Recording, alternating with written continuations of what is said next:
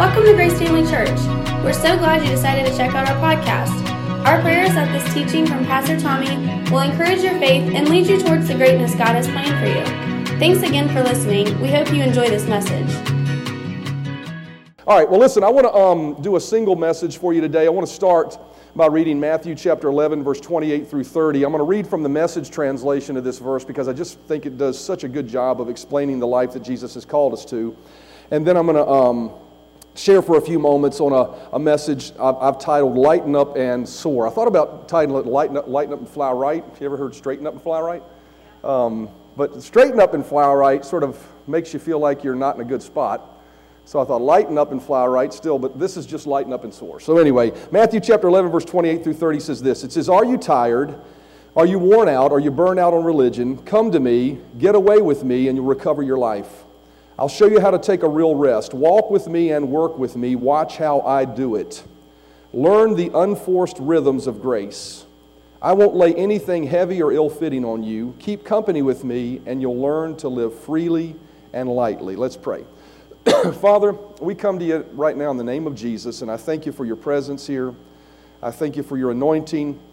I thank you that you care about each person here and that they have a purpose, a plan. They have uh, concerns and things where they need your intervention and help and answers. And so I thank you for speaking through me to your people, using me, Father God, as a vessel and I yield myself to you. I thank you that you're faithful and true and that you will always do that when a person's willing. So I thank you for just using me today so that we can say we're better because we came to church today. I thank you for it in Jesus' name. Amen. You know, as I was uh, thinking about really what to share, um, you know, last week we did a single message. Um, sometimes I'll do a series, and I was really praying about what to do. And, you know, really what I was, I've been thinking about over the last several weeks, and I don't believe it's just me thinking, I believe it's really the Holy Spirit sometimes as a pastor, the Holy Spirit will just deal with you on a topic for a while, and then it's time for you to share that as He speaks to you with your congregation. And so I really believe this is a message for all of us. But what I was really thinking about is how hard we try in our lives to please God, to enter into His blessings, and to experience who He is. How hard we try for that. You know, I mean, just the fact that you're here this morning, how many of you realize you could have been doing something else? How many of you like on Saturday mornings? Well, Saturday mornings, not Sunday mornings. How many like on just sleeping in? Nobody likes sleeping in. I know my wife does.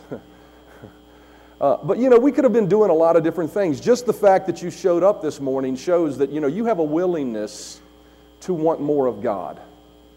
You have a willingness to want to experience Him more. And yet, what I find is, as many times we struggle to experience Him. We struggle. You know, we see blessings in the Word of God and the things that God has promised us in His Word you know, whether it be healing or whether it be, you know, financially or whether it be peace or joy. We see all those promises and we, we really strive at times as human beings to experience them. And I think about the fact that, you know, um, we hear about the joy and peace that God offers and in His presence, and we, we press and we strive and we maneuver to try to get in there. We see things that we desire out of life that are not bad things, they're just things we desire, right?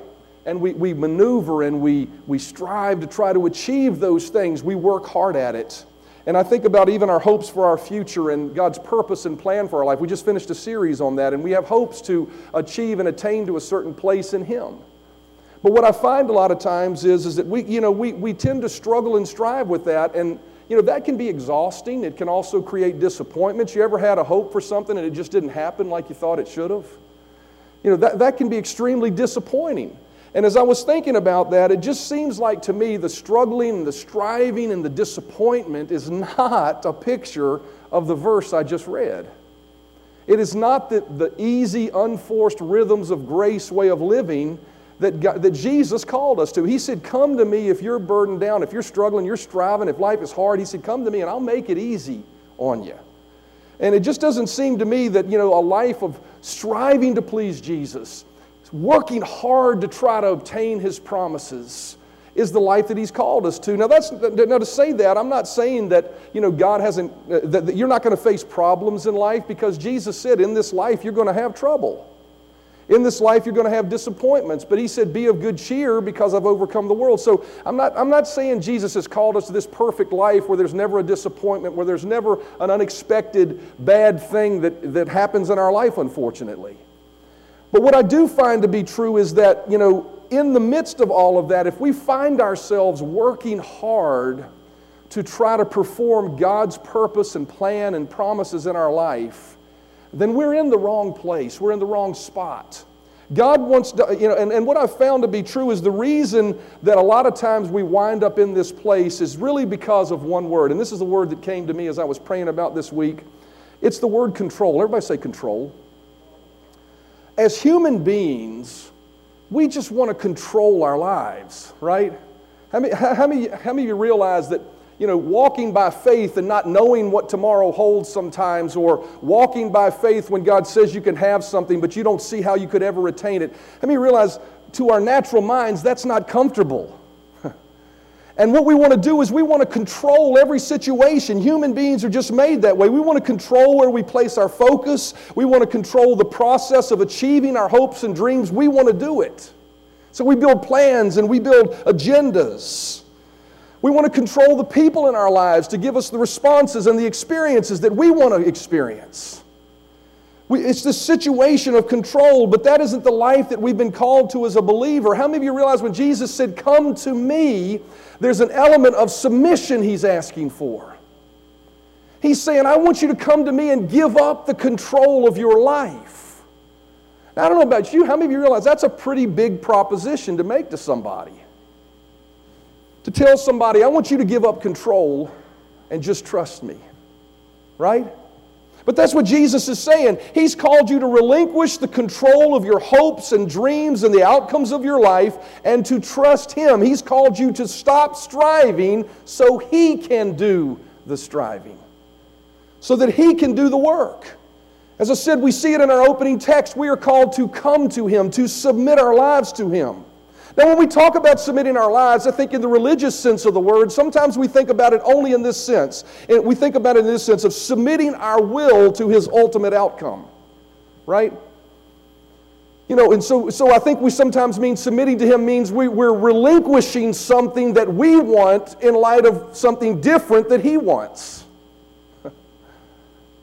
But you know, uh, we're going to learn through this message today that actually many of the things that you want in your life, He wants for you too.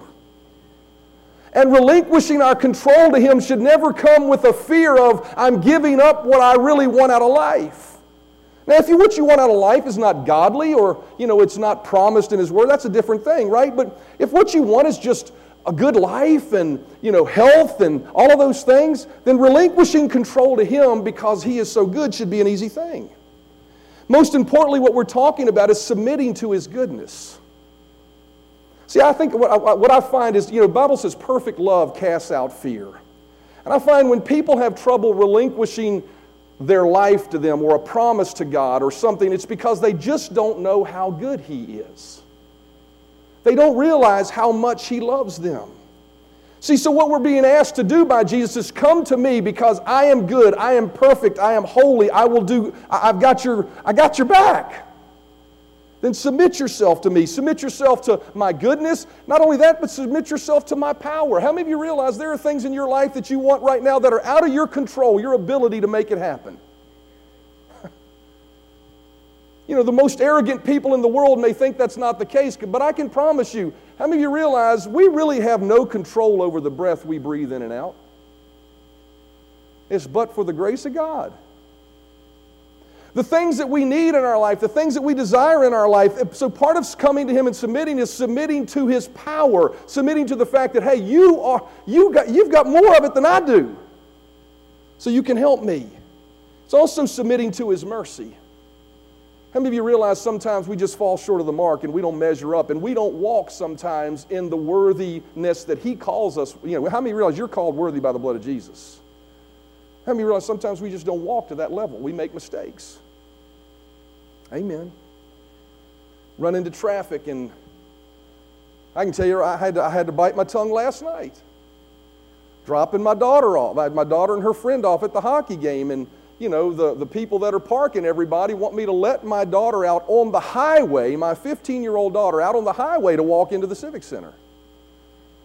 And I had to bite my tongue and not really lighten into the guy. I finally had to, like, okay, and I had to park there, put my flashers on, and make sure they got in. But, you know, how many realize I could have gone the other route and just been a real mean person. How many of you ever done that before? I've done that before. So we don't measure up at times. But one of the things we're talking about submitting to then is not submitting to our sense of perfection, but submitting to His mercy that says, you know what? In spite of that, because of the blood of Jesus, I still got you. Amen. He's called us to submit. And, and, not, and it's not, so, as I said, it's not so much as, much as relinquishing the control of what we hope for so that we get something different, but it's really more of just relinquishing the control to Him to do it.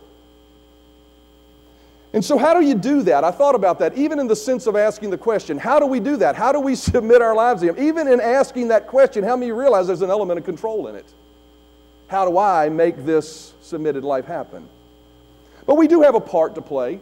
So I want to talk to you today just real simply about four simple things to get to the light and easy life that Jesus called us to. I want to read that verse again. Can we throw that back up there? Yeah, it says, Are you tired or worn out? Burn out on religion? Come to me, get away with me, and you'll recover your life. I'll show you how to take a real rest. Walk with me and work with me. Watch how I do it. Learn the unforced rhythms of grace. I won't lay anything heavy or ill fitting on you. Keep company with me and you'll learn to live. Notice that phrase freely and lightly.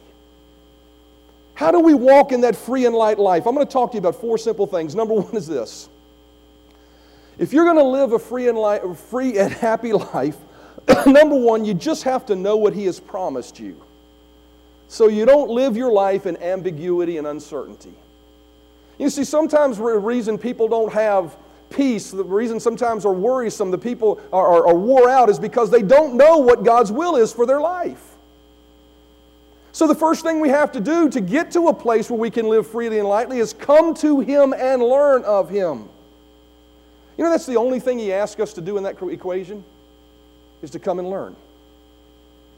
He doesn't tell us to come and I mean, he just says, come and learn. So, what does that mean? That means we've got to come to his word and we got to open it up and we have to understand what he says we can have, right? Because once you know what, what, he, what he says you can have, you can have peace about it if you're going to trust him with it. James chapter 1 and verse 5 says, If any of you lacks wisdom, now this is talking of wisdom, but this is really an overall statement about anything you want from God.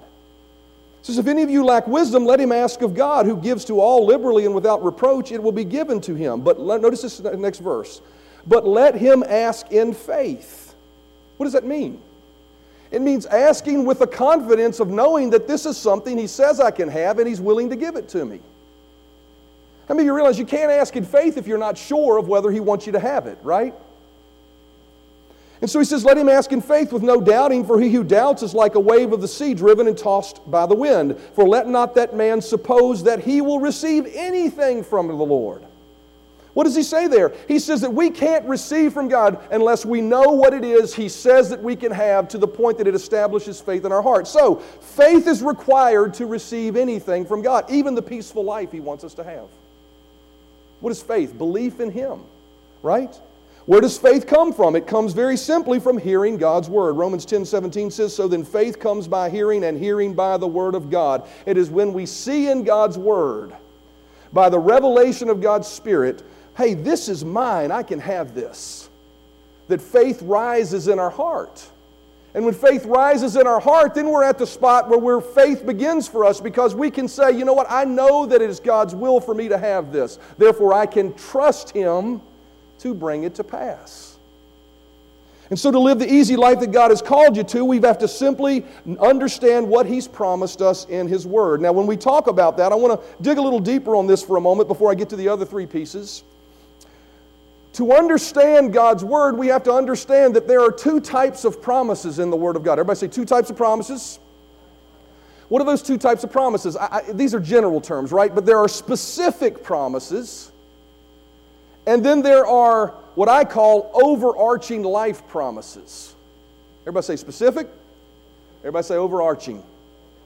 What is a, what is, what is a specific promise? These are promises that are specifically stated in the Word of God. You know, how many of you realize your salvation is specifically promised to anybody who will call on the name of the Lord?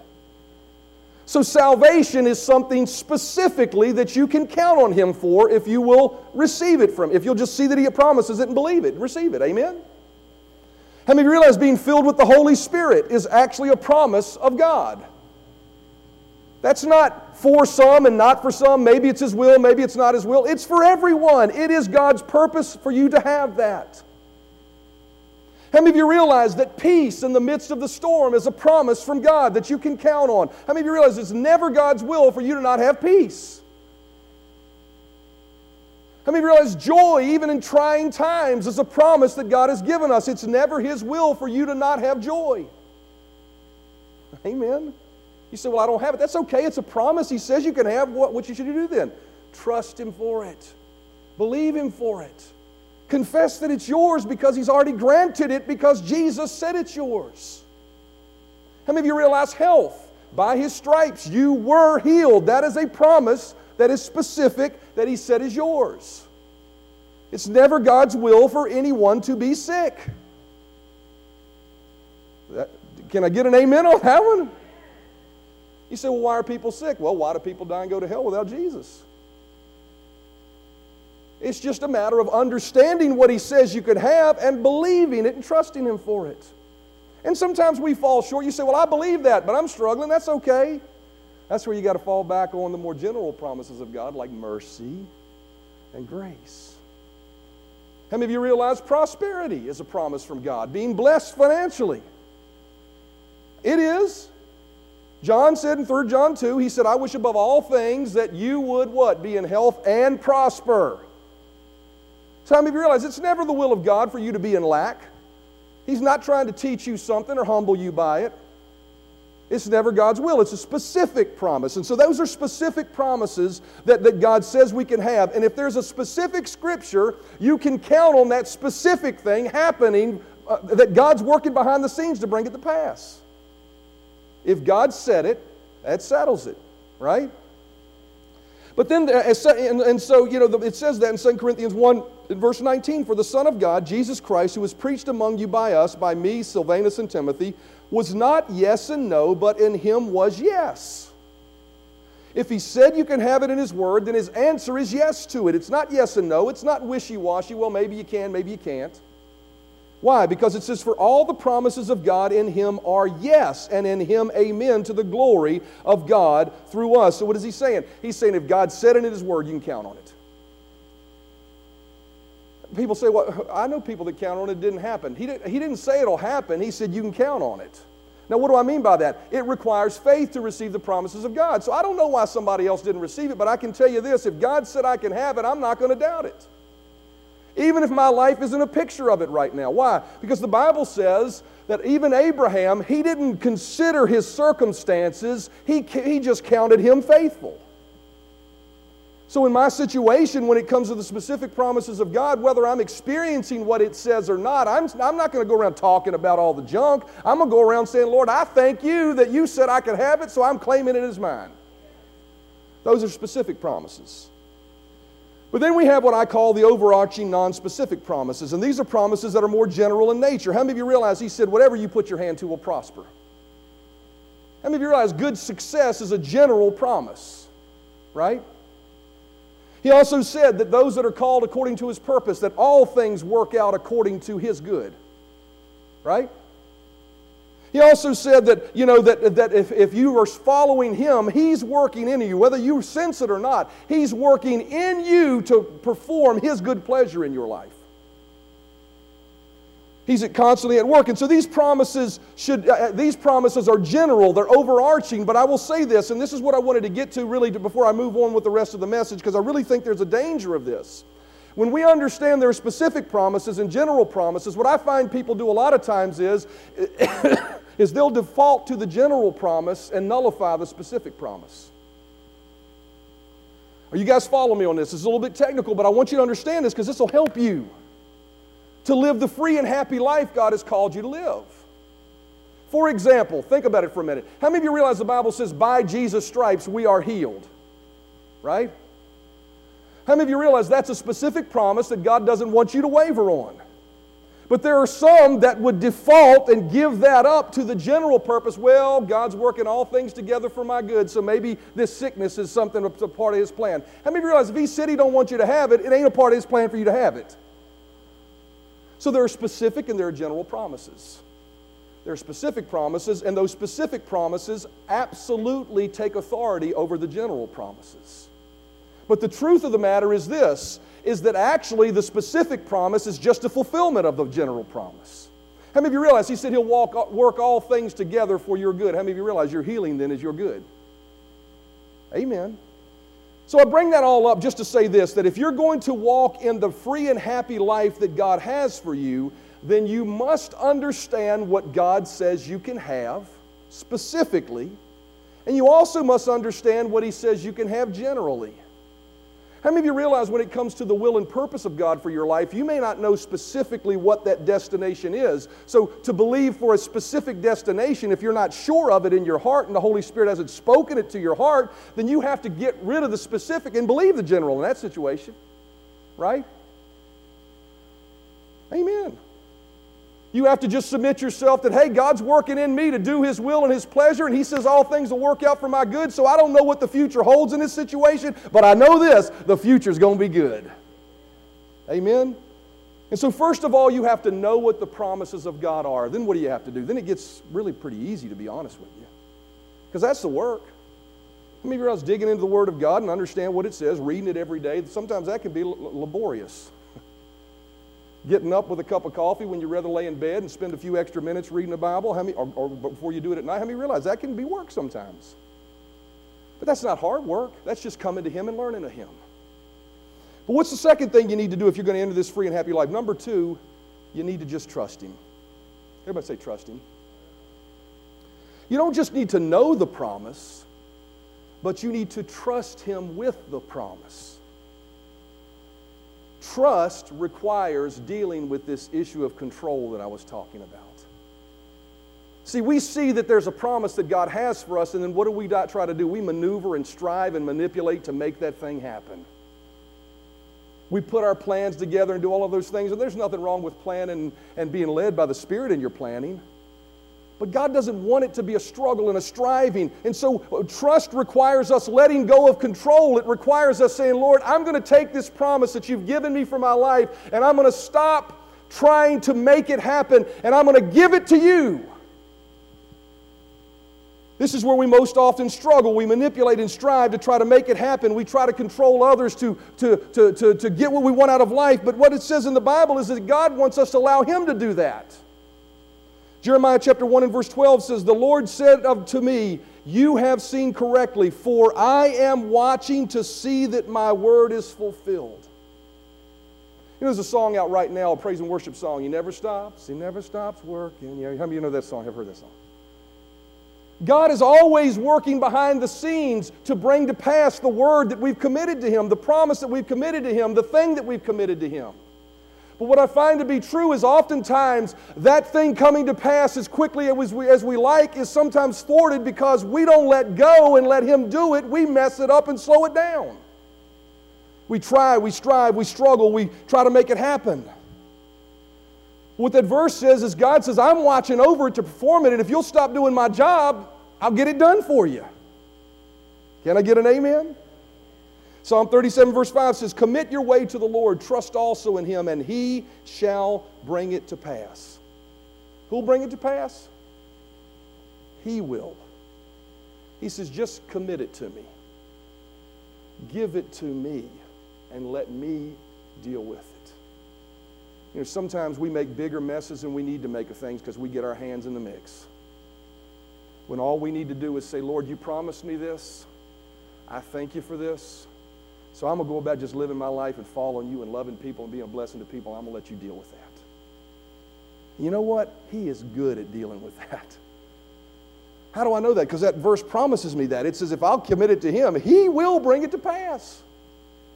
He'll bring to you the specific promise He's told you, and He'll bring about the good in your life that He's promised you, He'll give you. What's the third thing you need to do? I don't know the other way to put it than this. It's just breathe. Everybody say, just breathe. Everybody say, exhale. Once you give it to Him, learn to exhale and let it go. You know, Philippians chapter 4 and verse 6 says, Don't worry about anything. Instead, pray about everything. Tell God what you need and thank Him for all He has done. It says, Don't worry. See, part of being able to live a light and happy life is to be able to say, Lord, I am not going to touch this in my thought life anymore.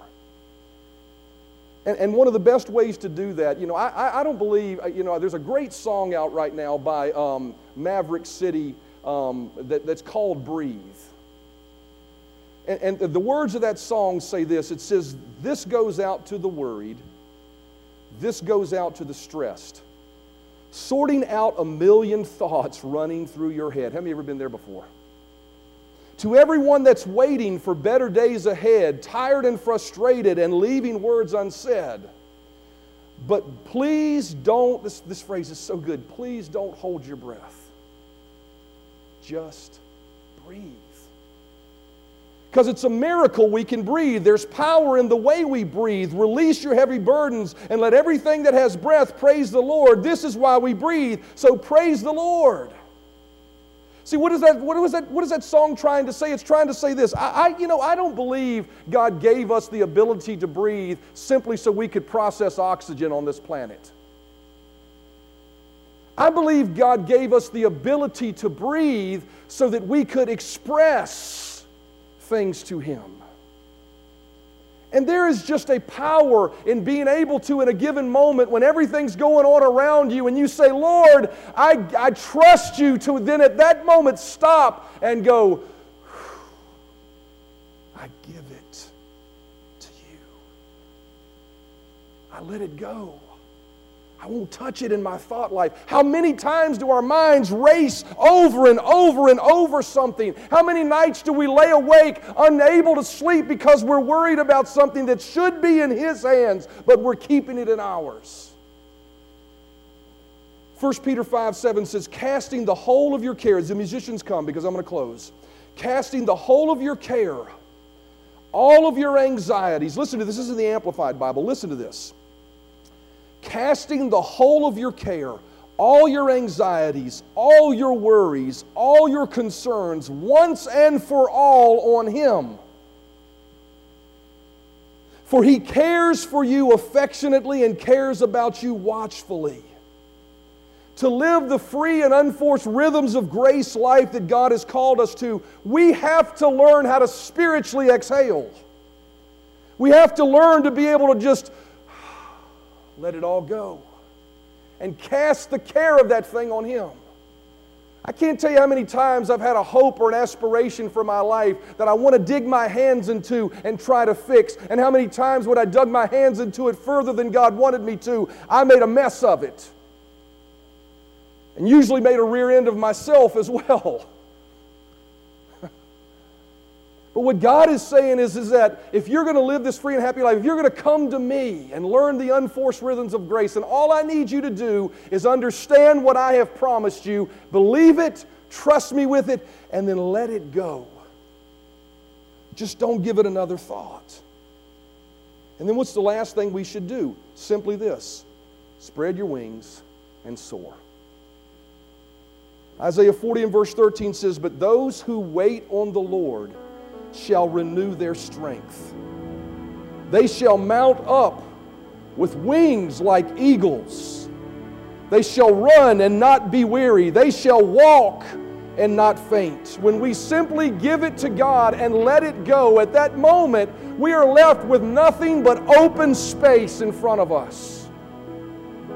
And all eh, eh, the thing about an eagle, he says we'll mount up like an eagle. How many of you realize when you see an eagle, typically you don't see an eagle flapping his wings too much? He just spreads his wings and is supported by the wind and the atmosphere with it, with, that, that he's in. And that's what God is saying, I believe. I'm, saying, I believe He's saying, when you're waiting on me, when, you're, when you've given it to me and you're trusting me, stop the striving, st- stop the worrying and the maneuvering. Let go of the control and just spread your wings upon the breath of my spirit and just live. Enjoy life. Be happy, be joyful in the moment. Learn to rejoice when things are not the way they should be. Just spread your wings and soar. Lighten up and live. Matthew chapter 11 verse 20 says 8, uh, chapter 11 verse 28 says, "Are you tired?" Are you worn out?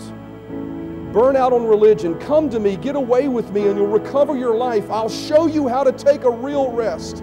Walk with me and work with me. Watch how I do it. Learn the unforced rhythms of grace. I won't lay anything heavy on or ill fitting on you. Keep company with me, and you'll learn to live freely and lightly. How do we live a free and light life? It's real simple. Know what His Word says and put your trust in it. Commit the care of it and the performance of it to Him, and then just breathe and let Him carry you through life as you just spend time in His presence, blessing people, being a nice person, and just loving others. Amen? If you do that, that's the kind of life He's called us to. I believe there's just a challenge this morning that if you have something that's in your hands, that's causing you to be tired, worried, or fretful, He's wanting you to just say, Look, I can be trusted. Give it to me. And I will perform my good pleasure in your life. Thank you, Lord Jesus. Bow your heads with me. Father, I thank you so much that you are a good God that can be trusted with every aspect of our life. So we let go of the control and we give you our hopes, our dreams, our healings, our everything, knowing that you have promised and you will perform. Thank you, Lord. Thanks for listening to our Grace Family Church podcast. We hope you enjoyed this message. If this ministry has blessed you in any way, we would love for you to get connected. Just go to gfcva.info for more information about who we are, how to give to this ministry, or how you can get involved. Thanks again for listening, and we hope to see you soon.